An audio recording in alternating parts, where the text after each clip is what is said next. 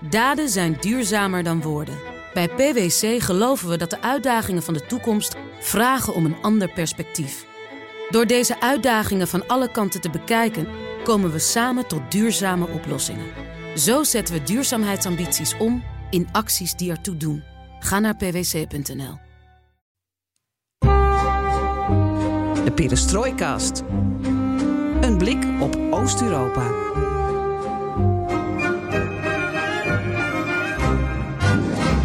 Welkom bij BNR Perestrooikast, aflevering 205 van de enige podcast van Nederland die volledig oog voor het oosten heeft en alles erom geeft.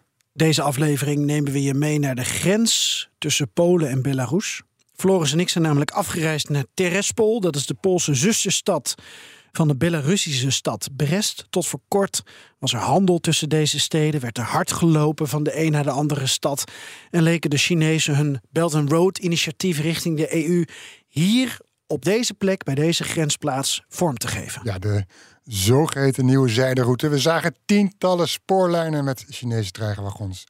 Leeg, ongebruikt, tot frustratie van de burgemeester van Terespol. Aan de overkant van de Boegrivier in uh, Terespol, daar zit uh, tegenwoordig het grote gevaar, hè? zo hebben we geleerd. Mm. Um, het rode gevaar. Wagner, Belarussische helikopters, gedumpte migranten uit het Midden-Oosten. Althans, dat is, gevaar? dat is wat wij begrepen. Mm -hmm. En uh, wat ook maandenlang uh, tegen de Polen is gezegd door de PiS-regering.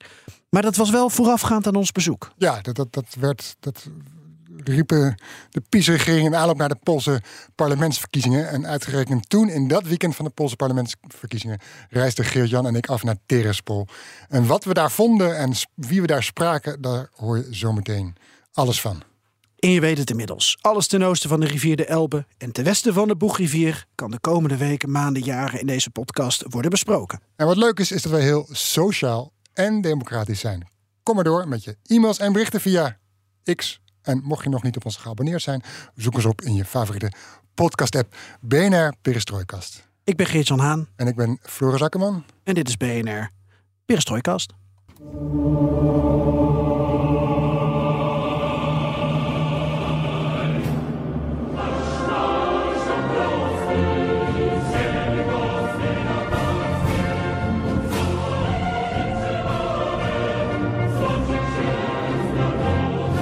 Jan, hoe is het met Hanna? Welke Hanna? Welke Hanna? De Hanna. Er zijn heel veel Hanna's. En die hebben inmiddels. Uh, Ik mijn... was groot fan van de Poolse parlementsverkiezingen en de verkiezingsavond. Dit moeten we even uitleggen voor de mensen zonder uh, Twitter uh, slash X. Um, we kennen allemaal het verhaal dat sinds uh, Elon Musk uh, Twitter heeft overgenomen, dat het X is gaan heten en dat er ook veel minder uh, gemonitord wordt op trollen en niet bestaande personen en Hanna's. En wij werden dus overspoeld uh, op die Poolse verkiezingsavond, uh, toen wij wat tweetjes plaatsten, door Hanna's. Allerlei Hanna's begonnen ons te liken, te retweeten, te re-xen. Ik weet niet hoe dat tegenwoordig heet. En het was erg verwarrend, want wie was nou Hanna? Ja. En, en wij niet alleen, ook de mensen die naar ons luisterden en iets tweeten over de parlementsverkiezingen richting ons of het algemeen, dat weet ik niet precies. Ook zij kreeg een like van Hanna. Ja, dus wij hebben een Hanna-virus verspreid, Mhm. mm -hmm. zonder te kuchen. Uh, maar vervolgens, nou ja, hadden we ze geblokt, geloof ik. Maar nu heb ik Hanna op mijn persoonlijke X-account uh, te pakken sinds, sinds gisteren. Het is niet te blokkeren. Terwijl ik volgens mij niet eens iets over, uh, over Polen had uh, gepost. Volgens mij ging het over, over Oekraïne. Hanna heeft inmiddels ook Oekraïne ontdekt. Maar Ah, het ja. waren echt Ah, acht of negen verschillende Hanna's. Kwam me overal tegen. Ja, Maar ik ben blij dat ze zo geïnteresseerd is in de Poolse parlementsverkiezing. Ik had het niet van je verwacht, Hanna. En nou, als je luistert deze aflevering, eh, Hanna 8. nou, geef ons graag weer een like. Nou, uh, voor, de, voor de daadwerkelijke luisteraars praten wij je graag even bij over die Poolse parlementsverkiezingen. Die zijn achter de rug. Floris en ik zijn ook weer terug in Nederland. Maar in onze gedachten zijn we nog wel een beetje in uh, Terespol, de grensplaats met Belarus, waar zo ongelooflijk veel gebeurt en ook niet gebeurt. En waar Floris en ik zelfs in aanraking komen met de politie. You, you gave me back my press card, right? Or uh, I don't know. I ask you, why do you need all the details? Why do you need so much Uh, information? because we are very close to the border. Yeah. Ja, daarover straks meer. over wat, wat, wat, wat, wat ons overkwam. Uh, maar eerst nog even een korte terugblik op die parlementsverkiezingen. Met natuurlijk, uh, we zouden geen uh, de lokale, onze lokale journalisten vormen. Dat waren we even voor een dag in Terespol, hoe daar de verkiezingen uitpakten. Uh, eerst even landelijk. Uh, kijk, onze laatste aflevering van de Perestrooikast, aflevering 204, die dateert van maandag 16 oktober. Toen zaten we in Studio Warschau. Toen waren er twee exit polls geweest. Toen wij op maandagochtend um, vroeg met Michiel van Blommestein een update gaven van wat de uitslag ongeveer zou worden. En die exit polls en die tussenstanden, die bleken het ook redelijk bij het juiste eind te hebben. -huh.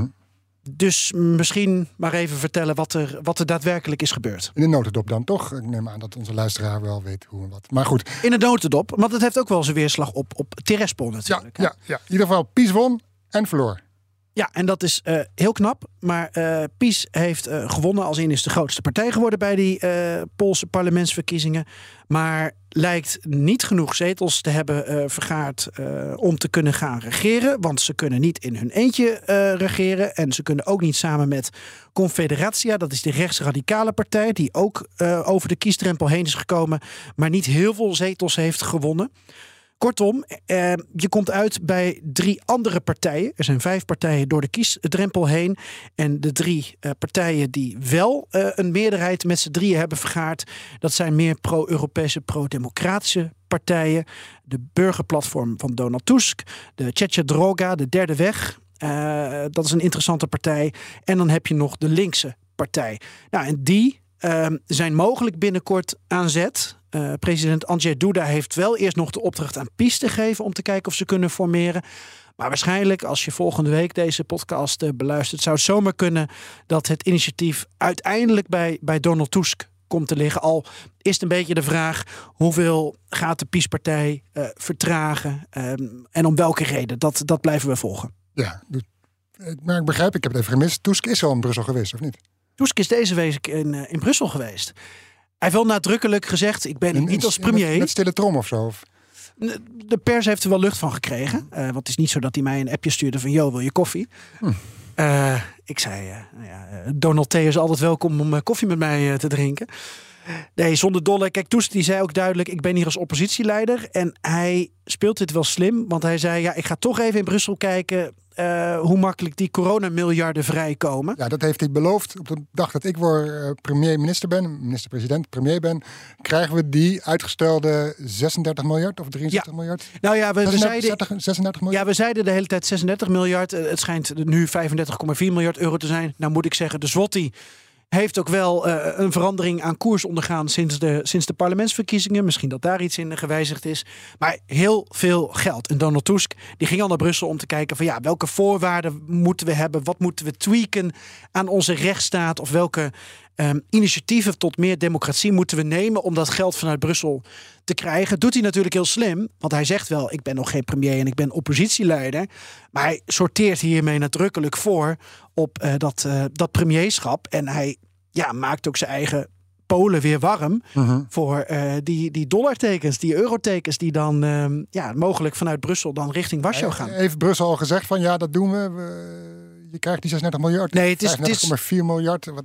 Het is nog niet helemaal duidelijk uh, wat daadwerkelijk de voorwaarden zijn. Wij hebben al um, in meerdere podcasts aangegeven. Het is echt niet zo dat Donald Tusk ineens dus dat geld uit Brussel krijgt. Er moet een initiatief worden getoond. Er moet daadwerkelijk uh, worden ingezet op uh, meer democratie in Polen, uh, minder afbraak van die, van die rechtsstaat. Maar er is niet gezegd, we willen eerst resultaat zien en dan krijg je het geld. het zou ook kunnen dat goede plannen genoeg is. -huh. Maar het gaat niet voor de kerst komen. Want halverwege december, dan weten we waarschijnlijk pas wie daadwerkelijk ehm, ja, de nieuwe uh, regering gaat vormen in, uh, in Polen. Oké, okay. laten we van het grote Brussel en grote Warschau afdalen, of niet afdalen, maar naar het kleinere Terespol gaan. Een, een, een, een grensstadje bij Belarus, dat wij in ons hart hebben gesloten. Misschien kunnen we het soort van adopteren. Ik weet het niet. Ja, dat kan. Ja, ze kunnen wel een verzetje gebruiken, als je straks de burgemeester uh, hoort. Hoe, daar gestemd is, en wij uh, zijn er twee dagen geweest en hebben ook op zondag nog enkele uh, stembureaus bezocht. Dus nou, ook dat hebben we op de voet gevolgd. En hoe daar gestemd is in Terespol, dat is op zich wel enigszins exemplarisch voor hoe er landelijk is gestemd eh, qua trend. Ik heb hier de uitslag en ik heb ook de uitslag van 2019. Dan kun je een beetje vergelijken. Er is in Terespol veel meer gestemd. Er zijn 3200 stemmen uitgebracht in eh, deze gemeente in plaats van 2800 stemmen. En ehm, nou, landelijk is er ook veel meer gestemd. Is er een hoge opkomst geweest. PiS heeft 100 stemmen minder gekregen, terwijl er dus wel meer is gestemd. Ze hebben wel gewonnen, maar met minder stemmen. En dat is ook vergelijkbaar met het landelijke beeld. Ehm, tegelijkertijd heeft PiS en hebben Confederatie en wel samen heel veel stemmen gekregen. Dat is de regio in Polen die dan weer anders stemt dan de stad. Mhm. En de derde weg, ehm, een christelijke partij, maar wel pro-democratisch, pro-Europees, die eh, heeft ook veel stemmen gekregen in uh, Terespol. En dat is interessant, want dat zie je ook landelijk. Ja, ja. Tot zover de eerste observaties. Zeker. En, en toen we daar in Terespol waren en we al wandelend door het dorpje trokken, uh, daarover zo meer, kwamen we Ella tegen. Uh, ze liep er met haar uh, kinderwagen eventjes lekker, dat was lekker weer, buiten over straat. En we hebben met haar gesproken over de grens met Belarus, maar ook over de Poolse politiek. En het was dus een dag van tevoren dat we haar spraken. Wij waren voor... op weg naar die grens. We waren op weg naar die Wij grens. waren op weg naar Belarus. We, waren, ja, we hadden ons papier hadden we klaar. En om ons daar eens neus in te steken. En we spraken haar dus een dag voor de verkiezingen. En um, eigenlijk, en toen hebben we afgesproken met haar, mochten, kunnen we nog spreken na afloop, daarna. Dus we hebben haar even gebeld. En haar reactie over die uh, verkiezingen, uh, landelijke verkiezingen in verhouding tot de lokale uitslag. Eigenlijk komt het erop neer, zeg, als je haar hoort, wat jij ook zegt. Exemplarisch voor wat er landelijk is gebeurd. I think that I think that the, the, similar situation which maybe uh, happened here was the in, in, in Poland in general mm-hmm. that like more young people went went uh, went uh, for the election go, go, went for the you know went voting mm-hmm. that I don't even um, when I was checking after the election when I was checking the news there was like news that like in the academic cities there was like the the, the longest queues were in because of the students because mm-hmm. of young people who were like you know voting there mm-hmm. so so i think maybe the same here because terespol is like the small town mm-hmm. like many young people they are like uh, moving from here to bigger town for studies like me even yeah they are going somewhere to study and and pretty often they stayed there so i think uh, because we have here like more older older people that's that's why probably peace w- won here. Uh, but maybe more more younger people they were more like uh, I don't know they they just w- went to the election. Maybe Yeah. four years ago they didn't want to go. Ja, dat is uh, eigenlijk een notendop hoe uh, de verkiezingen in Tiraspol uitpakten. Ja, En over Ella uh, dus zometeen meer. Wie en wat zij is. heel goed. Laten we dan zo, eh, zo dadelijk verder eh, het stadje Terespol ook introduceren met onze avonturen. Als een soort kuifje 1 en kuifje 2 liepen wij daar, daar rond eh, Floris. Maar we hebben heel veel ontdekt. Eh, eerst even boodschappen doen. Als Europees marktleider op het gebied van internationale arbeidsmigratie bemiddelt Otto Workforce in de werkgelegenheid over de grenzen. Zowel binnen Centraal- en Oost-Europa als naar landen in West-Europa. Daarin ligt de focus op de motieven en ambities van de medewerkers. De visie van Otto Workforce is dat circulaire arbeidsmigratie de toekomst heeft.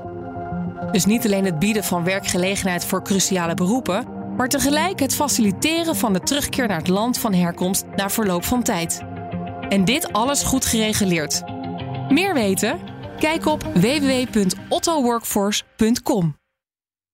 Floris en ik waren in Terespol in het weekend van de Poolse verkiezingen, parlementsverkiezingen op 14 en 15 oktober.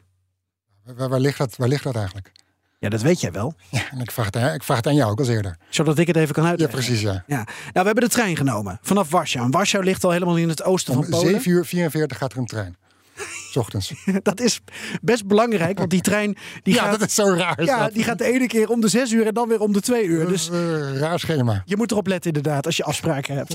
Maar goed, wij stappen dus in die trein vanuit Warschau in het oosten naar nog verder in het oosten, Terespol. 2,5 uur ongeveer. Eh Terespol is een stadje van zo'n 5 à 6.000 inwoners in het, eh, in het oosten dus van Polen. Het is zowel een stad, een miasto in het Pools, als een gemeente, een gmina. En de Miasto Terespol ligt in de Gmina Terespol, die weer in de Powiat Biała Podlaska ligt. En Powiat, dat kennen we niet echt in Nederland. Het is vergelijkbaar denk ik met een district of een, een graafschap. Dus groter dan een gemeente, maar het is geen provincie. En die Powiat ligt dan weer in het woiwoedschap Lubelskie. En dat is vergelijkbaar met een provincie. En dat is natuurlijk in, voor verkiezingen en voor geldstromen altijd wel belangrijk om even, even uiteen te zetten. Ja, en wat hadden we eigenlijk te zoeken? Wat, wat, wat moesten we, waarom moesten we zo nodig naar Terespol? Nou, wij wilden natuurlijk graag meer inzicht krijgen in de relatie uh, Polen-Belarus. Net zoals uh, we ook een aflevering hebben gemaakt over Polen-Oekraïne. Uh, waren wij toch benieuwd van ja, hoe, hoe gaat dat? Want we hebben de afgelopen maanden heel veel gehoord en ook zelf heel veel gesproken met mensen over die gespannen relatie. Een van de mensen die we op straat spraken in Terespol, die noemt de relatie tussen Polen en Belarus um, uh, elektrisch. Extreem beladen. -hmm. Weet je nog, dat was een andere jongen Ja, met een kinderwagen. Ja, En uh, ja, kwamen heel veel mensen met kinderwagens tegen. maar goed. we waren rond het middaguur eventjes eruit, ja. En die e- elektrische relatie die komt dan door meerdere gebeurtenissen. We kunnen ze niet allemaal benoemen. We gaan ook niet de hele geschiedenis lang- langs, want dan, dan wordt het vast te gecompliceerd. Maar deze regio waar wij nu zijn in Terespol is door de eeuwen heen gewoon gigantisch veel van grens veranderd. Er is ook een aantal slagen om Terespol geweest. 1794 ook wel bekend als de slag om Brest. En in 1920 had je de slag om de Boeg. Het contra-offensief om de Boeg. Een oorlog tussen aan de ene kant de Russische Bolsjewieken en aan de andere kant de Polen en de Oekraïners. Ja, maar dat is het verleden. Dat, eh, daar, eh, we kijken graag naar voren. Ehm, Ja, het verdere verleden. ja, even terug naar het recente verleden. Nou ja, sinds 30 jaar eh, zijn er diplomatieke relaties tussen Polen en Belarus. Maar die hebben veel knauwen gekregen, aantal incidenten.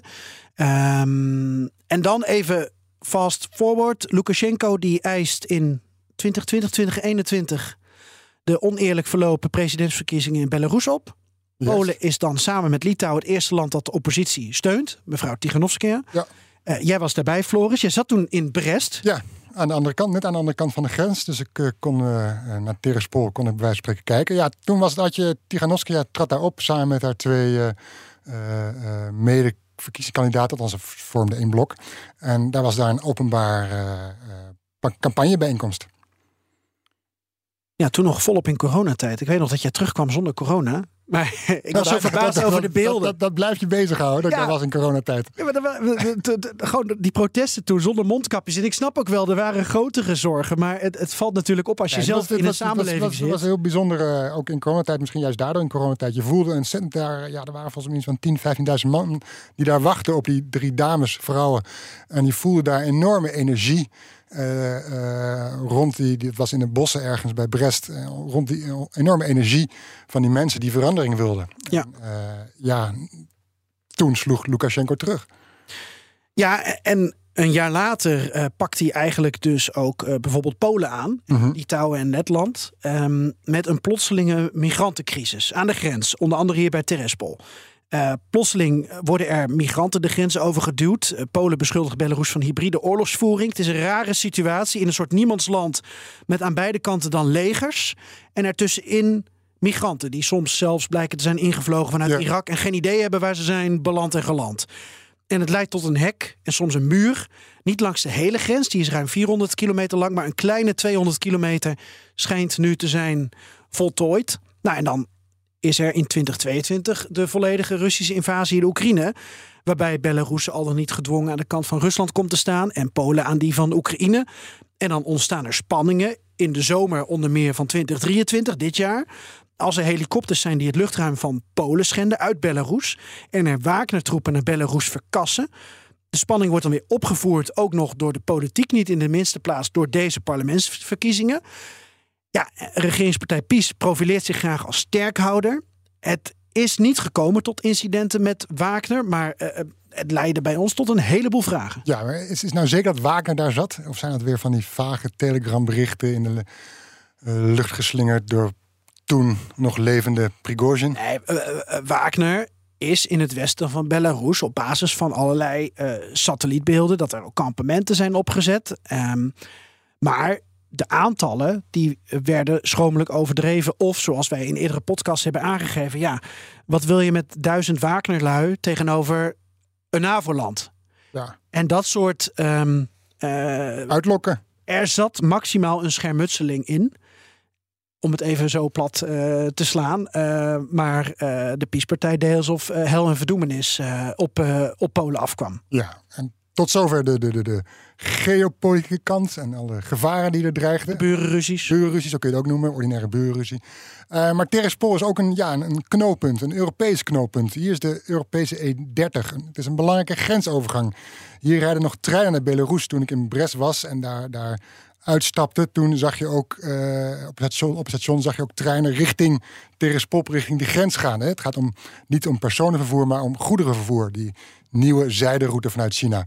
Ehm, dat was toen. Nu is eh, ja, eh, die, die grensovergang, het goederenvervoer vervoer is vrij minimaal. En dat voelen ze ook zeker economisch in Terespol. Minder, minder werk is er vanwege die afname van goederenvervoer. Er is ook een overgang voor bussen en auto's. Ook die hebben we gezien. Verkeer over en weer.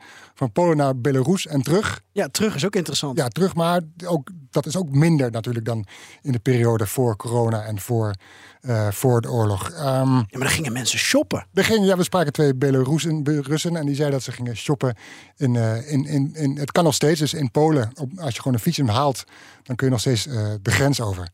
Ehm, ja, wie spraken we eigenlijk nog meer? Nou, mensen die aan de grens staan te wachten. Ja, Belarusen dus. Jonge ouders die buiten lopen met de kinderwagen, zoals we al zeiden. De burgemeester, Van de, van de gmina, van de gemeente dus. restauranthouders en serveersters. Ja, altijd. Taxichauffeurs, dat, dat doen journalisten altijd. Dat zijn de beste bron. Jazeker. Oh ja, die. We hebben meerdere taxis genomen. Winkelbediendes. Oh ja, toen we een eh, adapter nodig hadden. Ja, een, eh, een, een, een, een eh, SD-kaart converter. Ah ja, en Ja. fietsers. Fietsers, uh, had niks van bij. mij wel. Een hoteleigenaar. Hoteleigenaar. Ja, de fietser stond bij de Boegrivier. Er was die man die jij nog in het Russisch Oh, die man. Oh, die zei van de Boegrivier is niet de grens, maar daarachter. 200 meter achter de Boegrivier. Ja, toen werden we eventjes eh, topografisch op ons eh, feit eh, gedrukt. Eh, en we voerden gesprekken in het Pools, Engels, Russisch. En zo probeerden we uiteindelijk een grof beeld te schetsen van deze plek waar we twee dagen waren. En welke rol Terrespol dan speelt in de relatie tussen Polen en Belarus. En eigenlijk ook, we kunnen het gewoon groter maken, tussen Europa en de rest van de wereld. Ja, en dat allemaal in het licht van de Poolse parlementsverkiezingen. En we hadden ook een ontmoeting met eh, de, de Poolse politie. Goede alliteratie. Ja, niet per se op ons verzoek, maar de Poolse politie die ging met ons in gesprek, hield ons Ja. staande, was nogal geïnteresseerd. Documenten moesten we aangeven in welke Notslegi we, we overnachten. Dus we, waar, waar was ons eh, hotel? Kamervuur. Ehm, nou ja, wat we, hier, wat we hier deden, alles werd ook eh, genoteerd. Ja, laten we, tot we daar aankomen, tot we daar zijn, laten we even de route aflopen. Op het moment dat we eh, de trein uitstapten van Warschau naar Terespol. En daar rond, is het? Ik weet het niet meer. Nou, we gingen om 7 uur 44 weg. En het was 2,5 uur, dus ik denk dat we ergens eh, Tien over tien over tien. tien aankwamen. En we stapten uit en ja, wat ons eigenlijk meteen opvalt is een goederentrein die rijdt van richting Belarus. En ja, daarop zie je eh, Gazprom staan Russisch. Je ziet Chinese karakters hier staan. En dat, ja, dat, dat wekt onze nieuwsgierigheid op. Want we dachten van ja, daar is geen goederenvervoer meer. Die grenzen zijn potdicht. Wij Dus dachten, wij Unie- zijn de laatste stop. Ja, Terrespol, hier moet alles en iedereen stoppen en, en eruit. Maar er reed niet ineens een trein door. Ja, en dat niet alleen. We zagen ook een bus, en een touringcar met daarop een bordje in het Russisch, of in het Wit-Russisch, Russisch denk ik. Eh, Brest, je zag ook een geldwisselkantoor daarnaast staan, ook in het Russisch aangegeven. Dus ja, toen dachten we opeens, eh, er is wel degelijk nog grensverkeer. En het is ook opvallend, omdat ja, ik was wel zelf van de zomer ook eh, veel in Litouwen en, en, en Letland. En ja, daar is van alles dichtgegooid. Eh, alleen nog een, een doorgang richting Kaliningrad. Ehm, ja, dus je, het beeld is ook dat je eh, eigenlijk geen optie meer hebt om door te gaan. Sinds COVID was dat natuurlijk al, maar eigenlijk ook door die Russische invasie in Oekraïne met de steunbetuiging van, van Belarus. Maar ja, de waarheid ligt iets anders. Ja. Al spraken we genoeg mensen die zeggen, nou, de, ehm, de hoeveelheid transport is wel aardig eh, afgenomen. Dus je, hebt- je hebt toevallig die ene trein net Ja, want dan vroeger kwamen ze, wat, hoe heet die Poolse supermarkt ook alweer? Bier, bier. Biedronka, Biedronka. Daar kwamen ze speciaal voor eh, naar Polen, begreep ik, van, eh, van de Belarussen. Bewoners, de Belarussen, ja. Ja. Dus om eh, te winkelen bij de supermarkt. Ja. Maar goed, we, we, we lopen met onze rugzak de stad in en dan gaan we aan de wandel. We volgen eigenlijk, nadat we ons spullen ergens hebben achtergelaten in onze kamervuurpand, een lange weg. De Wojska Polskiego. Polskiego. Polskiego. De weg van het Poolse leger. Ja, die je overal hebt. En we zien een paar monumenten. Eh, we zien veel borden waarop staat dat zo'n monument of een weg of een huis Mede mogelijk gemaakt is door de Europese Unie. Nou, dat is interessant, want weet je, we, we- zijn toch een beetje ook vanwege die Po- Poolse parlementsverkiezingen aan het kijken wat wordt de relatie met Europa. Dus dat valt dan op. Eh, dan lopen we wat, wat winkels binnen en we vragen wat, wat, wat stemmen mensen hier? Dat, dat is dan onze, Ja, onze zo, zo vraag. doe je dat. nadat we eens een adapter kopen. En we zien, we, we zien als we daar lopen en jij was gefascineerd. Nou, vertel jij het maar. Jij was gefascineerd door die hekken. Ja, die hekken, je ziet eh, gewoon op tuinhekken langs, langs, eh, langs huizen, zie je dus de ene verkiezingsposter naar de andere.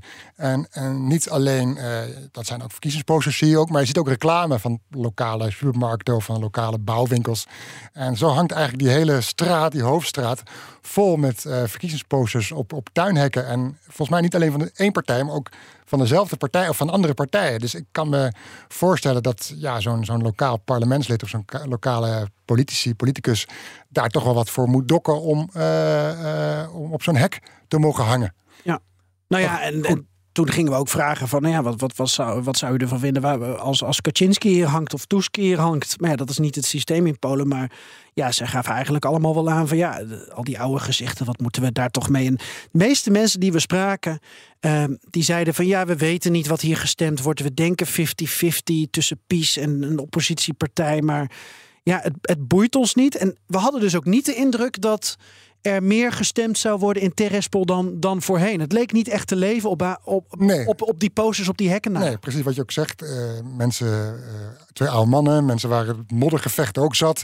Eh, dus we konden niet, zeggen, je kon nog niet echt zeggen van, goh, hier, hier leeft een enorme verkiezingskoorts. Ehm, dus ja, we lopen verder af, die, die Poolse weg af, de Wojska Polskiego.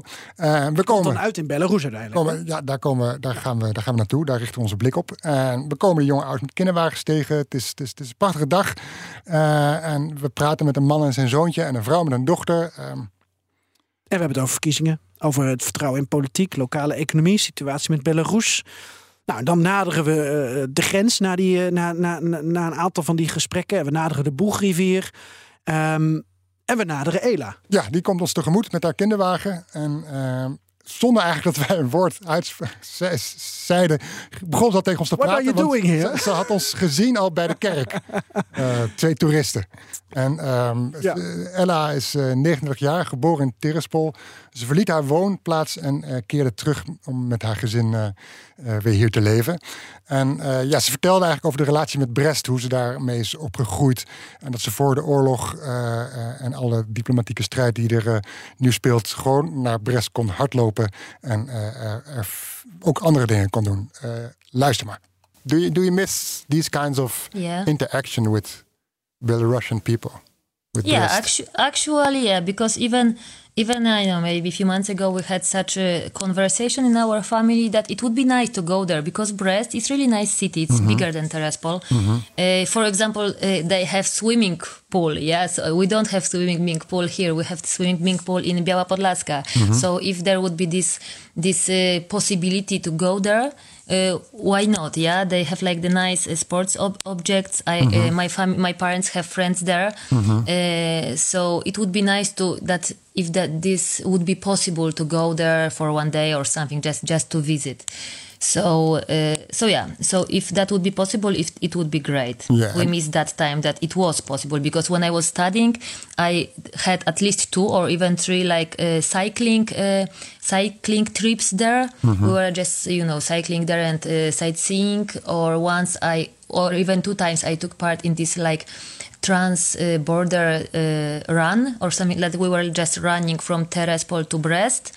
And the next year it was like opposite way from Brest to Terespol. So Nice. so that was I really like this kind of uh, uh, events. Ja, en je ziet eigenlijk, ja, het is, het is prachtig hoe Ik vind het klein zo het leuk, kan zulke zijn. interviews. Ja, Want het is is- gewoon echt veldwerk. Ja, dus het is gewoon heel klein en persoonlijk. En dat je gaat zwemmen in Brest alsof je ja, eventjes eh, bij de naburige stad, wat het ook is natuurlijk, dat het ook is natuurlijk, eventjes eh, op en neer gaat. En ja, tegelijkertijd een grens overgaat. Het geeft ook aan hoe, hoe, hoe raar het fenomeen grens ook eigenlijk Dat ook, is. maar hoe dichtbij die, die, die, die landen ook bij elkaar stonden. En de mensen die, die, die, die bij elkaar, eh, die met elkaar leefden. En dat, dat gaat gewoon nu momenteel niet meer. Of dat kan nu niet, eh, momenteel niet meer. En ja, dat betreurt ze ook. En ja, wat je ook in Terespol zie je eigenlijk mm, zie je twee, wat we begrepen, twee schoorsteenpijpen. Dat zie je van Brest eigenlijk. Voor de rest, eh, ja. Ja, zo'n klassieke rood-witte ja, pijp. ja, ja. Zie je En boven de horizon uitsteken. Ja, zie je vooral als je de grens overkijkt of die kant op kijkt, zie je vooral eh, natuur en groen. Ja. Ehm, Ja, en jij, jij was er dus voor 24 februari 2022. Vind je Ja. dan toch een gek idee dat je... Nou ja, we kunnen het alvast verklappen. We, we, we zijn de grens niet overgegaan. Vond je het gek dat we niet naar Brest gingen? Nee, nee, nee, nee. Het is ook niet zo dat ik een enorme diepere liefde koester voor Brest en dat ik daar eh, per se terug wil. Ehm, nee, dat, dat had ik eigenlijk niet. Het was wel bijzonder om, om te zien hoe, als je Ella hoort, hoe, die, eh, hoe daarna wordt gekeken aan, in die relatie met de Belarus, met Brest. Toen in de tijden voor corona en voor COVID en voor de oorlog. Eh, maar ja, goed, nu is alles nagenoeg afgesloten eh, tussen Polen en Belarus. Hè, wat Geert-Jan al vertelde, alle eh mondjesmaand komen er nog eh, mensen doorheen. Eh, er zijn de verhalen over helikopters die het Poolse luchtruim binnenvlogen. Belarusche helikopters over die Wagner-troepen dus. En we vroegen aan Ella hoe ze eigenlijk tegen deze ontwikkeling aankijkt. Is zij angstig? Uh, you know like for, for uh, I, think i told you then, then that that now okay we have these helicopters we see this army every single day and police cars police people but i think we just get used to that. It's like for so many months already so we just get used to that you know when i felt unsafe? Uh, when this the war ukrainian russia war started then i had such feeling oh my god if i would live like in poland but in near the border with germany i would feel more safe. So that then i felt really like unsafe like i i felt fear living here because of the the place where we live but right now uh, no no I, for us now it's normal it's crazy it's uh, I, when i hear myself it's, it sounds crazy but but but yeah but it's like that ja, we, we, we vroegen het ook de hele tijd aan mensen. Gewoon om een beeld ervan te krijgen. Ehm, als wij, eh, beste mensen met kinderwagens bijvoorbeeld. Als wij deze uh, Wojska Polskiego verder aflopen. eh, komen we dan, dan Wagner-troepen tegen. Eh, heeft u ze wel eens Meteen. gezien uit de bosjes? Ja, Ehm, ja, nee, camouflagekleur op een we- gezicht getekend. we kunnen er om lachen. Alleen ehm, wij probeerden natuurlijk de afgelopen maanden door die, die, die Poolse prietpraat van, van, van de PiS-partij heen te prikken. Maar zeker weten doe je het niet. En je ziet dus op basis van satellietbeelden dat er dus ook Belarus, dat, dat er ook Wagner-strijders zijn. En je bent toch benieuwd wat Ela dan aangeeft met.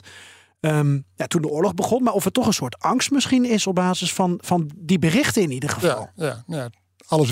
Pies Dus deze situatie. De staatsmedia. Hè? Dus als mensen in Ja. Terrespol vooral tv kijken, ja, dan, dan is het wel telkens. daar, daar komt Ella zo meteen nog eh, op terug. Oh, wat goed. Ja, Ja. eh, Oké, nou, we hebben dus Ella eh, gesproken. Ehm, eh, eh, straks nog een keer, maar dat was dus na de verkiezingen. Dus we spraken haar in het verkiezingsweekend. We lopen dus in dat zonnetje daar over die enorm lange weg vanaf het station richting Belarus. En dan belanden we van de asfaltweg op een zandweg. En dan Ja. komen we aan bij de, uit bij de Boegrivier. En aan de overkant ligt dan dus eh, Belarus. Of nou ja, hoe, hoe die fietser dat aan jou uitlegt, eh, Floris. Die zegt dan dus, nou, Belarus is 200 meter voorbij de rivier. Maar goed, vooruit. Mhm. dat we hebben gaan, we nog even gecheckt. en dan gaan we naar rechts. Ja, en dan kronkelen we het pad af. En dat is eigenlijk gewoon een, een, een, een lekkere herswandeling. Eh, hebben we dan eventjes. Eh, maar naarmate we het verder pad aflopen, zien we lichtmasten opdoemen, een hek, de grens. We zien bussen, we zien de grensovergang. We zien mensen buiten de bussen staan, hè, vanuit de Belarusische kant. Eh, even kort praatje. Dat zijn dus twee die gaan winkelen met een, met een visum op zak. Ehm, Iedereen heel relaxed. ja, ja, ze moesten wachten. Ja, wat kun je anders doen bij een grens als je moet wachten? Nou, en- even lekker in het zonnetje staan. En, en ja, dat, dat deden ze ook. En we lopen af richting eigenlijk weer terug Polen in, richting Warschau, om het zo maar even te zeggen. En vanuit niets vermoedend, ons blinde, blinde hoek, komt er een eh, politiebusje Ja. op ons afrijden. Met gillende sirenes en, en, en handboeiende aanslag. Nee, dat niet. net, net niet. Maar ehm, ja, eh, wel uiteraard de vraag: eh, what are you doing here? Maar dan minder vriendelijk zoals Ela dat in eerste instantie aan ons eh, vroeg. Ehm, je hoorde net een klein fragmentje. Eh, ik heb het gesprek eh, opgenomen omdat ehm, ik dacht, ja, misschien hebben we het nodig. We weten niet wat, eh, wat hier aan de grens precies gebeurt. Ik ga het verder om privacyredenen niet laten horen. Maar we hebben daar ongeveer een kwartiertje, 10 à, 10 à 15 minuten met, met, met, met twee politieagenten in een busje staan kletsen. Die dus toch wel benieuwd waren wie we waren, wat we daar kwamen doen. Hadden we dat bord niet gezien? Werd gevraagd meerdere eh, keren. Geen idee of we dat bord hadden gezien of daar wel of niet mochten lopen. Wij hebben echt geen bord gezien. Nee. Wij hebben het in ieder geval niet gezien. Het was er misschien, maar wij hebben het niet Ja, gezien. nee. Menen we oprecht. Of misschien komen ze, hebben, ze hem, hebben ze hem toen inmiddels snel neergezet. Nou ja, en eh, dat dus op die ventweg ineens een politiebusje was. Ja, nou ja, waarschijnlijk eh, waren ze dus wel een paar minuten eerder daarvoor gealarmeerd. doordat er twee halve, halve toeristen aan het kletsen waren met mensen door een hek heen met, met Belarussen. Ehm, dus ze vroegen zich af wat we deden. Ze noteerden allerlei eh, details. Eh, ze werden wat vriendelijker toen we aangaven dat we in de middag een gesprek hadden met de burgemeester. Ja. Eh, toen, toen hadden ze ook het gevoel van: oh ja, nou, deze jongens zijn hier niet zomaar. En toen vroeg ik nog, ook een beetje om, om, eh, om af te tasten: waarom wilt u dat allemaal opschrijven? Wij komen toch niet uit Afrika?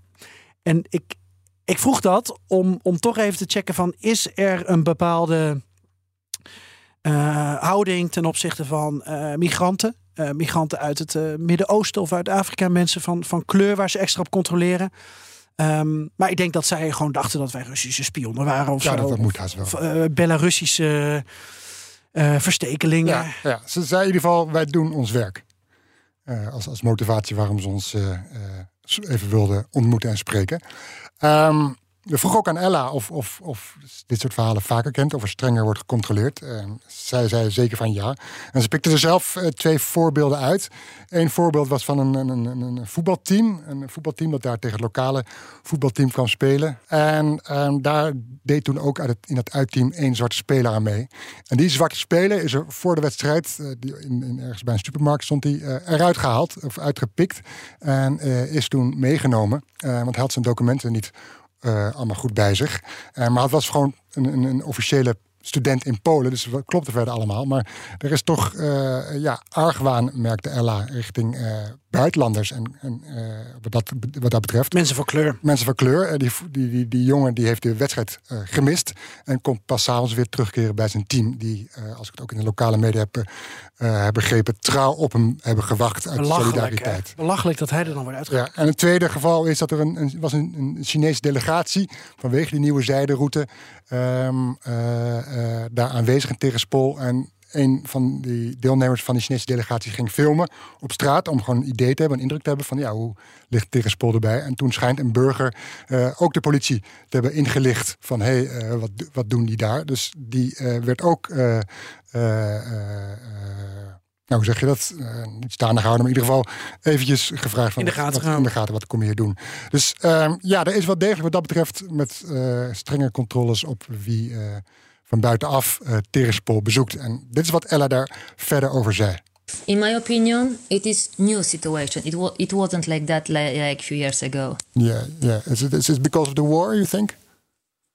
Or, or in general? Yeah, yeah, I think, I, I, I- yeah, because of the war and because of because we had this uh, like we had this uh, attempts of like uh, illegal boarding crossing, and I think that's because of that.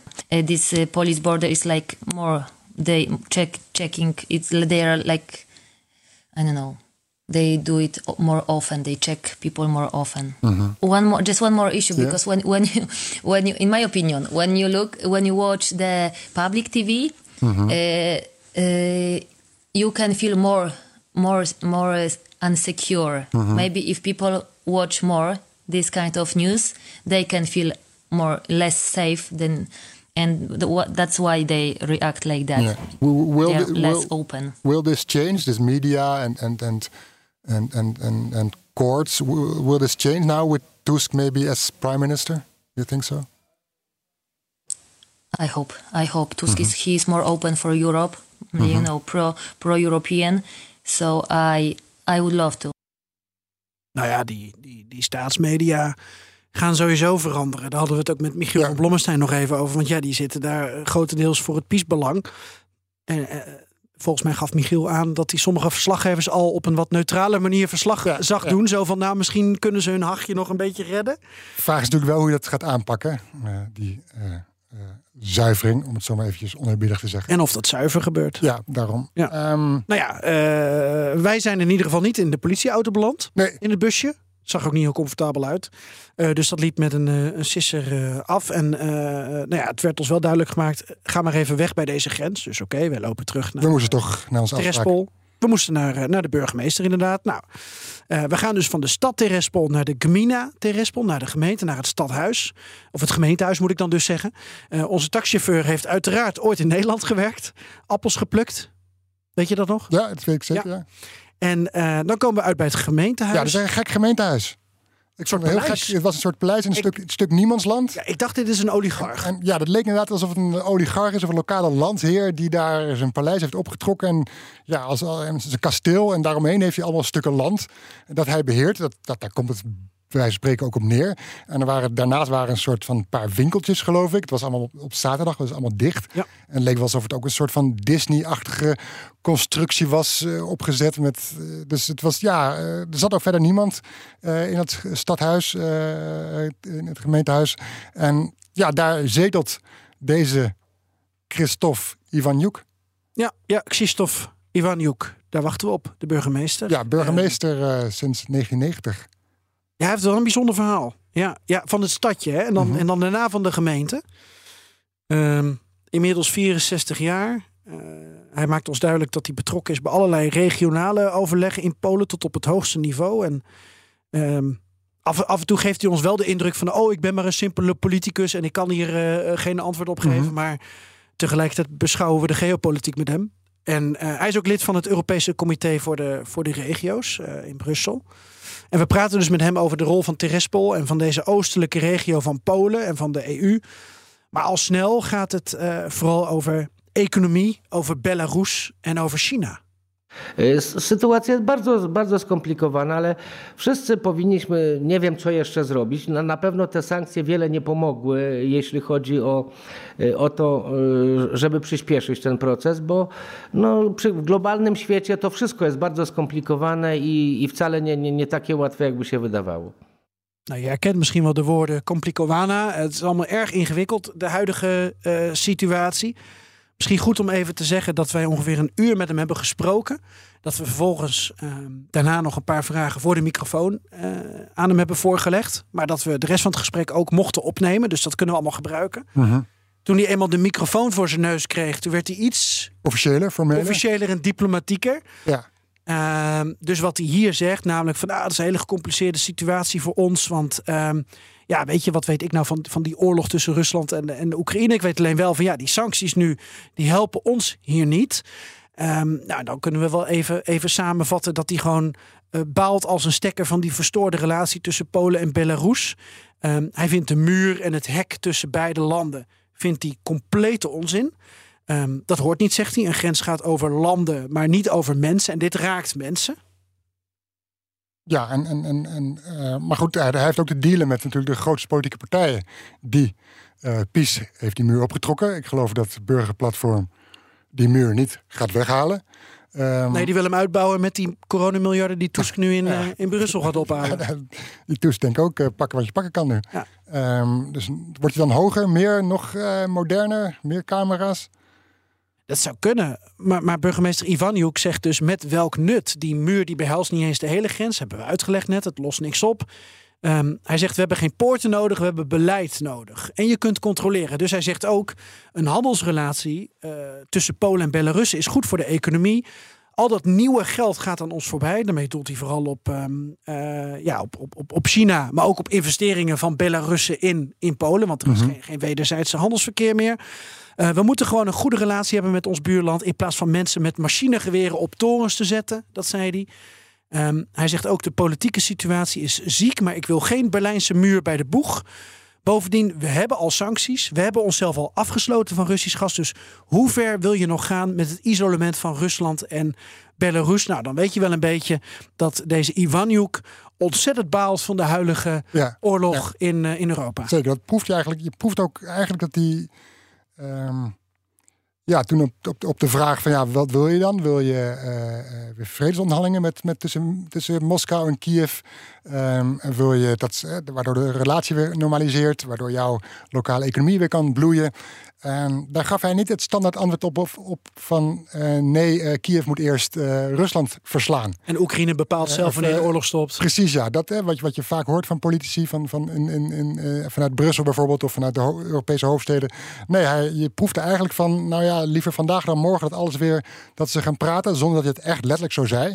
Uh, maar liever vandaag dan morgen dat, die twee landen met elkaar gaan praten. Om zo snel mogelijk weer uh, op de oude voet verder te gaan. Uh, om te voorkomen dat mijn regio, hè, dat is natuurlijk zijn belang, in elkaar stort. Of verder af, economisch afgeleid. Dus ja, dat is, ja, wat, wat, het is, dit is zijn leven, levenswerk waar hij voor, uh, waarvoor hij gemaakt is, bij wijze van spreken, om dat in Tiraspol en omgeving te doen. En dat ziet hij nu, dat, dat het werk door de geopolitiek, door de oorlog uh, en misschien ook wat daarvoor met corona, dat dat nu ja, als een pudding in elkaar zakt. Ja, hij heeft een economisch motief, sociaal-economisch motief. Wil niet dat mensen werkeloos raken. Hij heeft inderdaad ontzettend gebouwd. Uh, als je er sinds 1990 zit, dan kan je dat wel zeggen. Ja. Ontzettend gebouwd aan een vorm van vooruitgang. Um, nou ja, we kregen ook allerlei mooie brochures. Jij hebt ze in je handen. Uh, waar we aan kunnen zien uh, dat Terespol het middelpunt van de wereld is geworden. Ja. Um, nou, hij baalt er dus van dat deze armere regio in Polen. Um, dat dit deel last heeft van die politieke, geopolitieke strubbelingen. Want in de gemeente Terespol ligt uh, een enorm goederenknooppunt in de spoorverbinding tussen China en Europa in het kader van die nieuwe zijderoute. Nou, dat zien we ook hier op de kaart. He, ik heb hier een, uh, ook een brochure, een kleinere, jij hebt een grotere.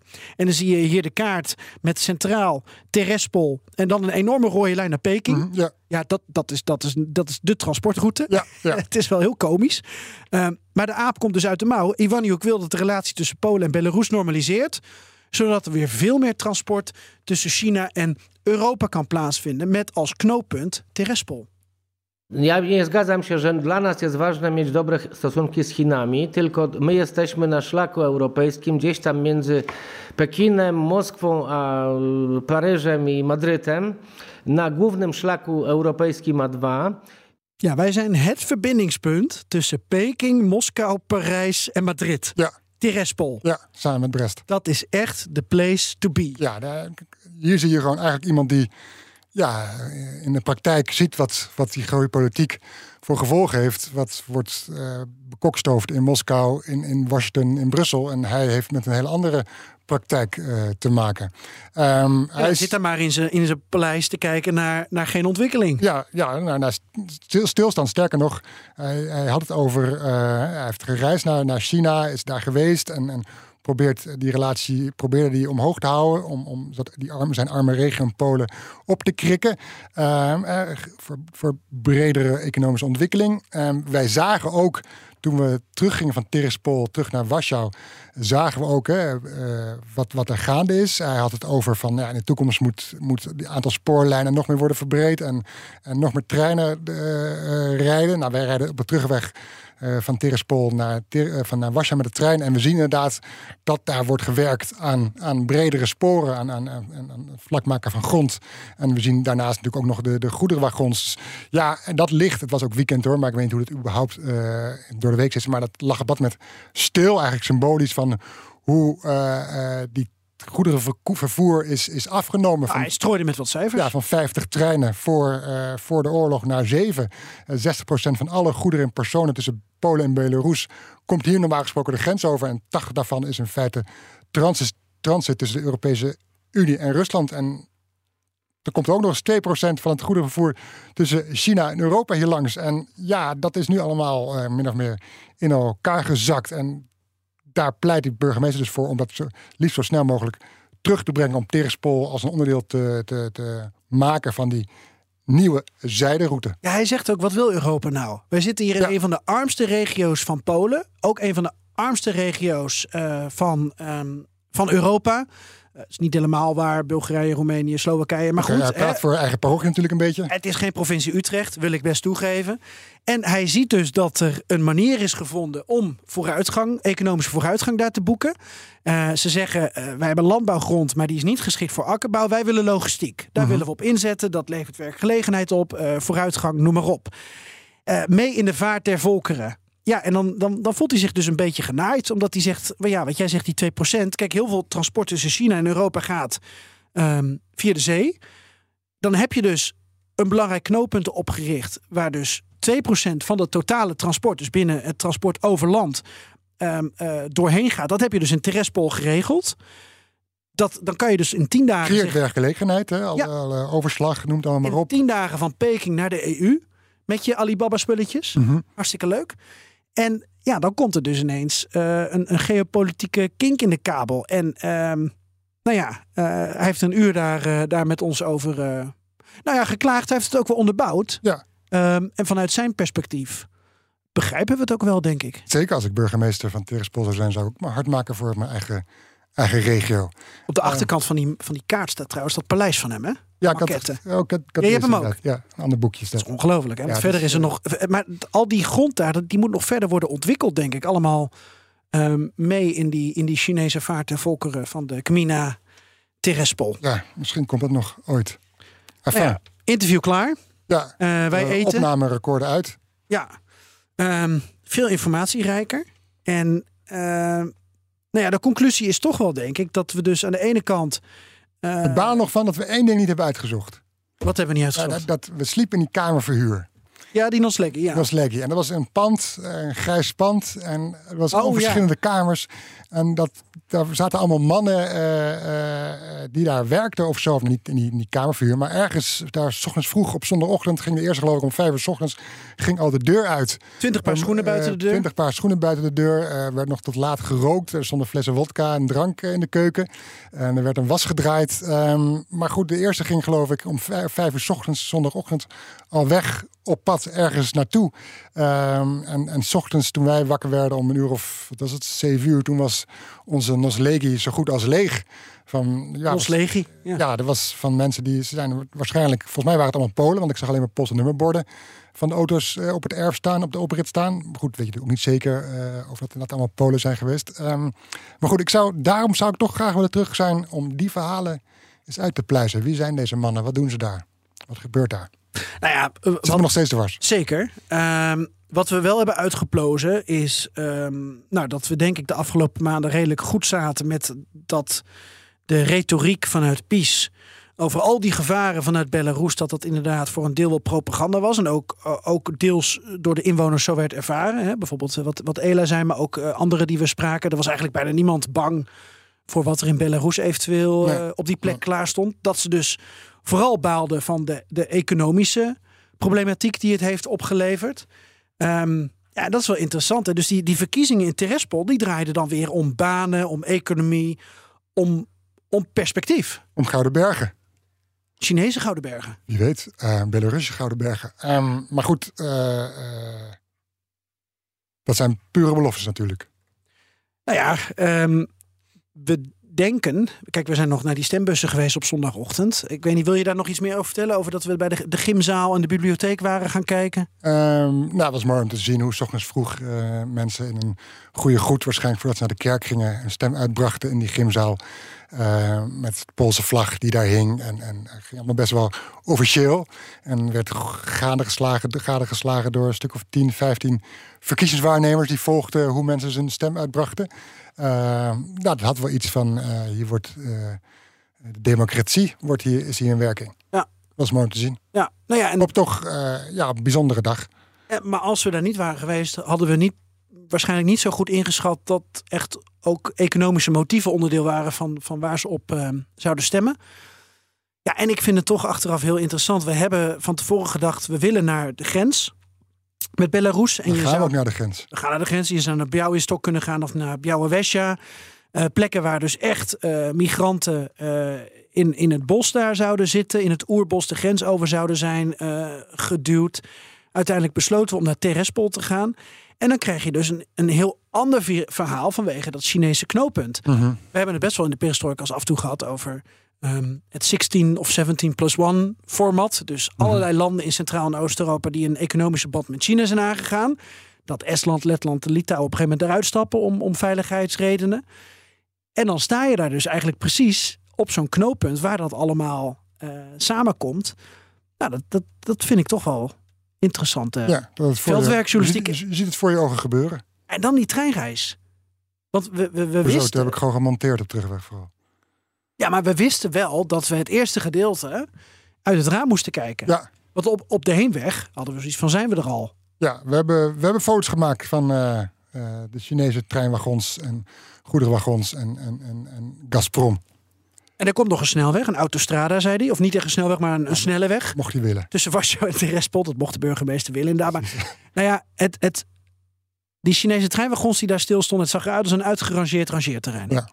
Ehm, maar het grotere idee is dus dat ooit daar de Chinezen onze goederen van Alibaba eh, gaan binnenrijden en dan zo in één keer door naar Rotterdam. Die zijderoute heeft wel zijn glans verloren in de tijd dat die werd aangelegd en wordt geïnvesteerd.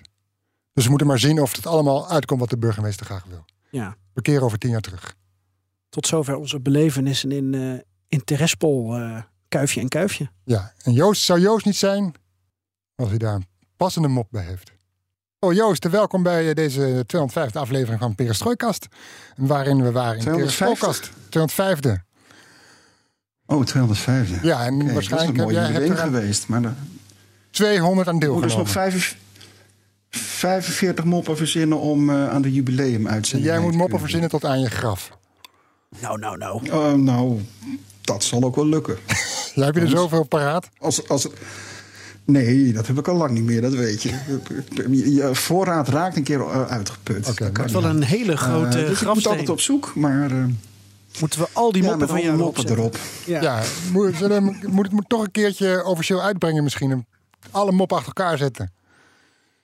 Ja, en een boekje. Ja, Ja, of, goed of, idee. of, of Gaan jullie een doen? speciale podcast. Uitgegeven bij FD Media. Ja. Ja, zoiets. Nou, dat, wordt, dat, dat verkoopt beter dan het boek van Boekenstein in de Wijk, denk ik. Wie?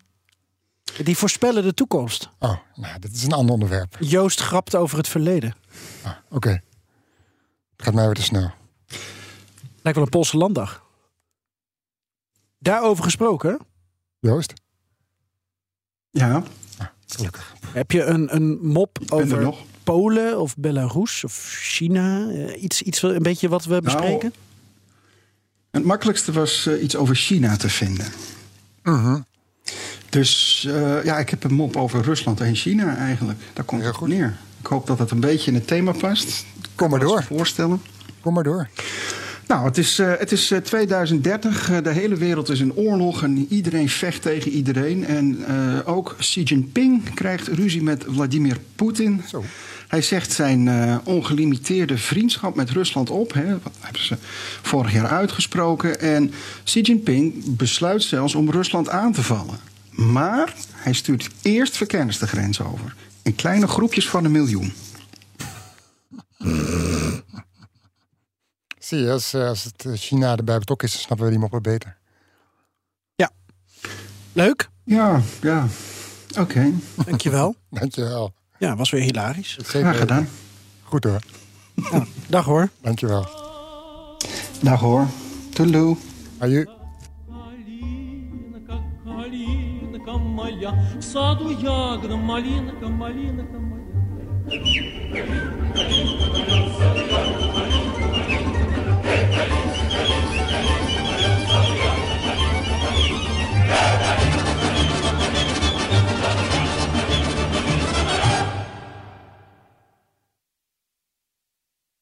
Daden zijn duurzamer dan woorden. Bij PwC geloven we dat de uitdagingen van de toekomst vragen om een ander perspectief. Door deze uitdagingen van alle kanten te bekijken, komen we samen tot duurzame oplossingen. Zo zetten we duurzaamheidsambities om in acties die ertoe doen. Ga naar pwc.nl.